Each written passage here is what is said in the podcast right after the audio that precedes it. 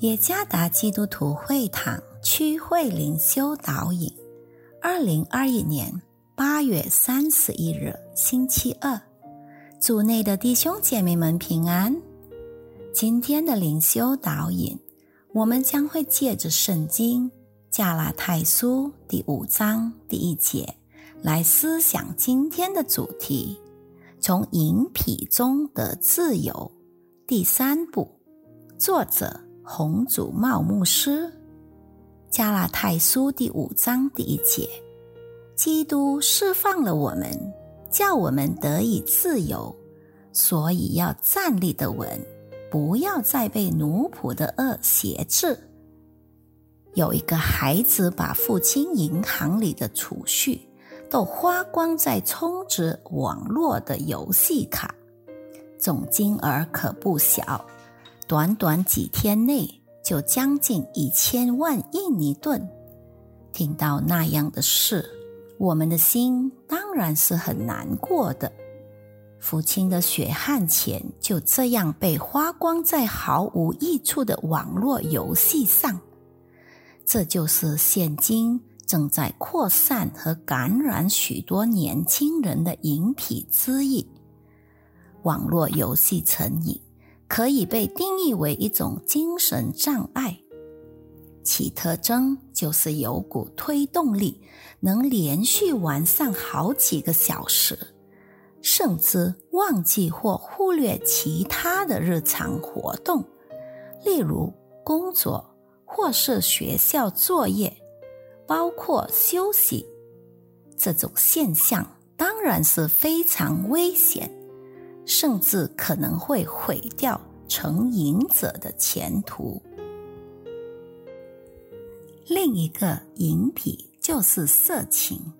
数据显示，互联网上二十五八仙或四分之一的搜索是与色情有关的。难怪当今世界上最大的行业即是色情行业。有资料显示。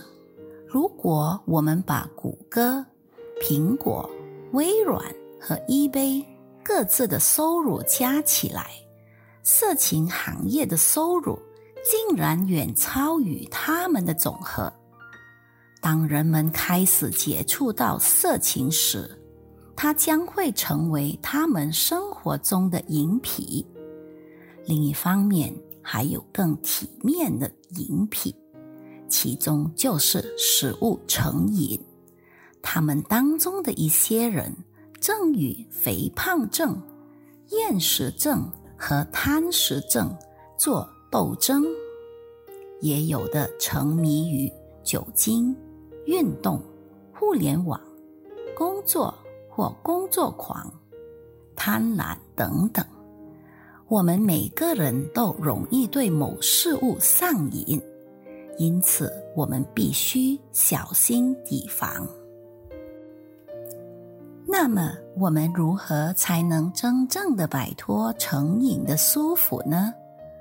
首先，我们必须扪心自问和对上帝坦诚，承认我们仍旧还沉迷于一两件事。第二，下定决心要悔改。我们必须主动做出决定，因为我们肉体的情欲总是试图拖延，直到我们软弱无力。第三，我们需要省察自己，我们必须追根究底，找出上瘾的原因。过后，我们必须承认我们的所作所为。不仅会使我们远离上帝，而且还会摧毁我们的生活。第四，恳切祷告，祈求上帝帮助我们。如果有必要的话，我们可以向那些可以帮助我们的人敞开心扉，例如家人或是可信赖的朋友。醒悟吧！若没有他的帮助，我们什么也做不成。我们必须完全依靠他的爱与力量，这样我们才能抵挡和摆脱淫癖的束缚，直到我们能感受到从上帝那里得到的真正自由。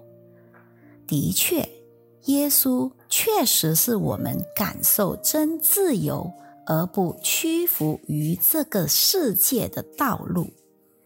全然的依靠耶稣基督，那您就会感受到真正的自由。愿上帝赐福于大家。